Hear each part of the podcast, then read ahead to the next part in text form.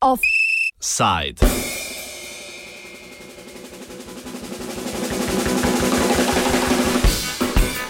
Zapiranje legalnih poti v Evropo.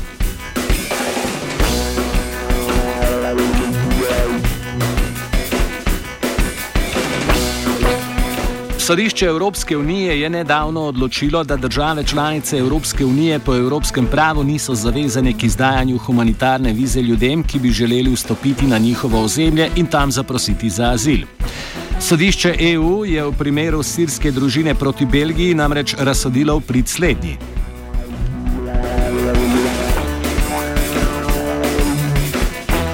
Do tožbe sirske družine proti Belgiji je prišlo lansko leto, ko je leta na belgijskem veleposlaništvu v Bejrutu zaprosila za trimesečno humanitarno vizo.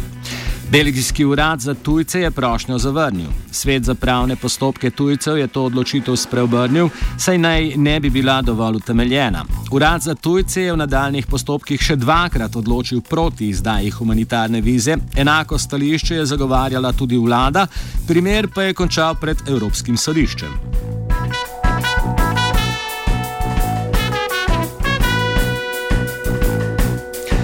Kaj sploh je humanitarna viza, razloži Alexander Betts z Oxford University. Humanitarian visas give people the ability to travel freely and without risk to themselves across borders for humanitarian purposes. One of the main reasons we've thought about humanitarian visas is in the context of the so called European refugee crisis. Many people, refugees in particular, traveling from Syria, traveling from other war zones and countries with persecution like Somalia um, or Sudan have had to travel long distances on boats and risk their lives with smugglers. A humanitarian visa allows them instead to go to an embassy or consulate of a European country or of the European Union in a neighbouring country, receive a visa, and simply get on an aeroplane, travel legally, travel safely. And so it's a way of avoiding the dangerous journeys that have been imposed on many refugees around the world. Humanitarne vize torej omogočajo beguncem, da v Evropo potujejo varno in legalno. So torej ena od teoretičnih možnosti legalnih poti, o katerih tako radi govorijo evropski voditelji. Ko pa je prišlo do konkretnega poskusa vstopa v Evropsko unijo po legalni poti, je Belgija ta vrata zaprla. Kristina Leljork iz Mednarodne organizacije za migracije opozarja, da legalnih poti do Evrope za prosilce za azil ni. There is a gap between um, the the EU level law, which um, which provides for um, provisions for for those seeking protection, so mostly the asylum law, and it covers really um, all the aspects of of uh, asylum seekers from the moment they arrive on the territory of the EU. But there are no legal provisions really foreseeing safe and dignified pathways for, for those who need protection, international protection, to actually arrive in the EU to be able to even claim asylum, with the exception of current um, uh, resettlement uh, legal framework that is being discussed. But uh, but this is a very targeted, um, specific legal framework, and it doesn't cover very large numbers. But but uh, broadly speaking, um, at the EU level, it remains a reality that um, that those who need to access the EU to even claim asylum currently still have no legal provisions to, at the EU level at least, to be able to do so. Odločitev sodišča Evropske unije je nekoliko nenavadna tudi zato, ker je šla v nasprotni smeri kot mnenje generalnega pravobranilca, ki mu sodniki ponavadi sledijo.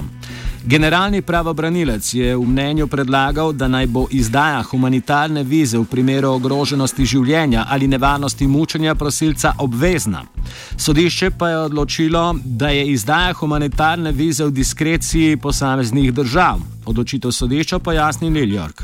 European Court of Justice uh, ruled that um, the case that was um, brought against the the Belgian government by, by a Syrian family who is based in Aleppo.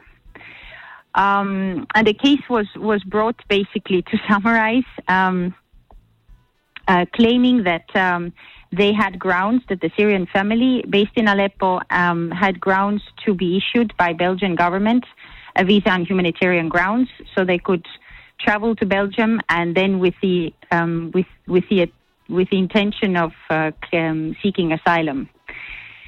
And uh, well, they were not granted the visa, so um, a few legal instances nationally were, were proceeded to, and eventually the, the case uh, was brought to the European Court of Justice, who ruled that, um, who basically ruled that not that the case itself didn't have merit, but simply that it falls outside of the uh, the remit of the Schengen Visa Code because primarily because these visas um, that are covered by the Schengen visa code um, and are to be issued on humanitarian grounds are short-term visas, whereas the family was seeking had a clear intention of not returning and, and staying long-term and, and applying for, for asylum.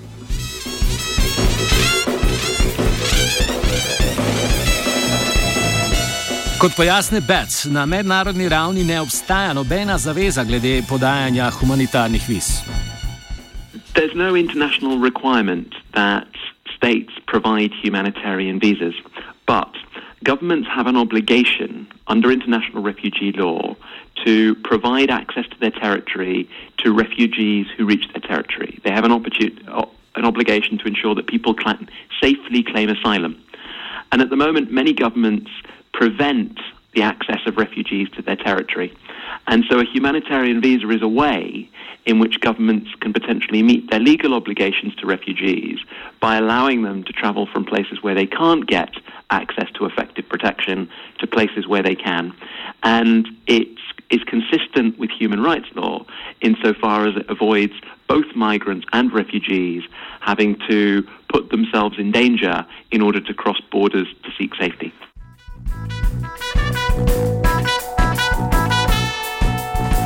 Čeprav na mednarodni ravni ni zavez glede izdaje humanitarnih viz, pa to področje skuša urediti Evropski parlament. Odbor za državljanske svoboščine, pravosodje in notranje zadeve v poročilu iz lanskega leta zagovarja, da bi humanitarne vize vključili v reformo ureditve vprašanja viz na območju celotne Evropske unije kot del reform, ki bi omogočile varen in zakonit način vstopa v Evropsko unijo za prosilce za azil.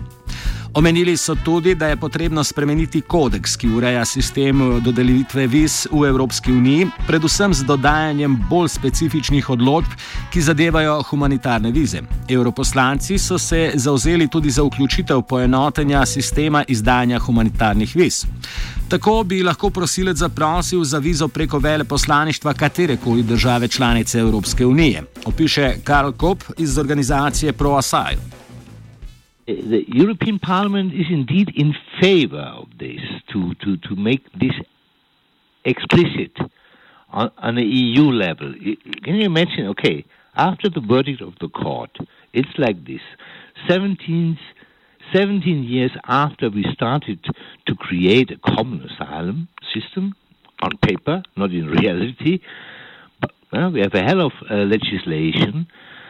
There is still not one proper tool in the EU acquis to give refugees access to protection. So this is what the European Parliament want to change uh, to, uh, to, to, to create a humanitarian visa on the EU level. That means that the whole EU is responsible and has this obligation, and uh, you could approach, yeah, any EU embassy to apply for this humanitarian visa. This would be a little step, step further concerning the hardship refugees suffer in third countries like Libya, Sudan, Lebanon, wherever.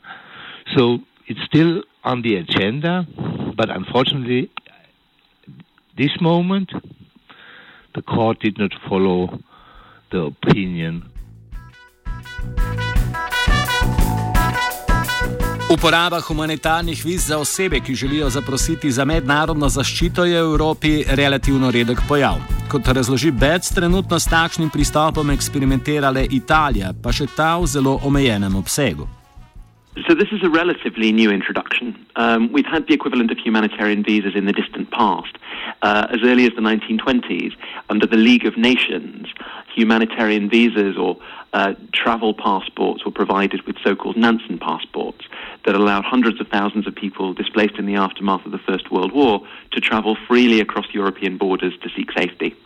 More recently, we've seen countries like Brazil, outside of the European Union, provide humanitarian visas to several thousand Syrians to travel from neighboring countries like Jordan and Lebanon directly to Brazil and seek asylum when they arrive.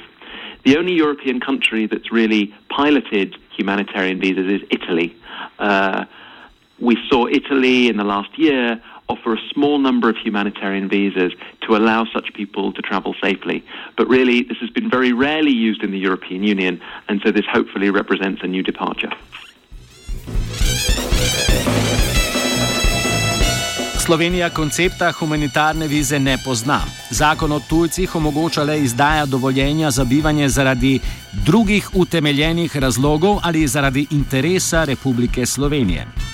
V preteklosti je sicer zakon o mednarodni zaščiti omogočal zaprositev za azil neposredno na diplomatsko-konzularnih predstavništvih Slovenije v tujini.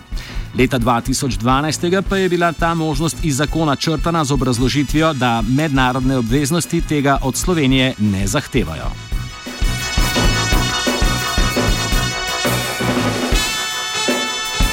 Offside sta pripravila Vajenka Rina in Cvitar.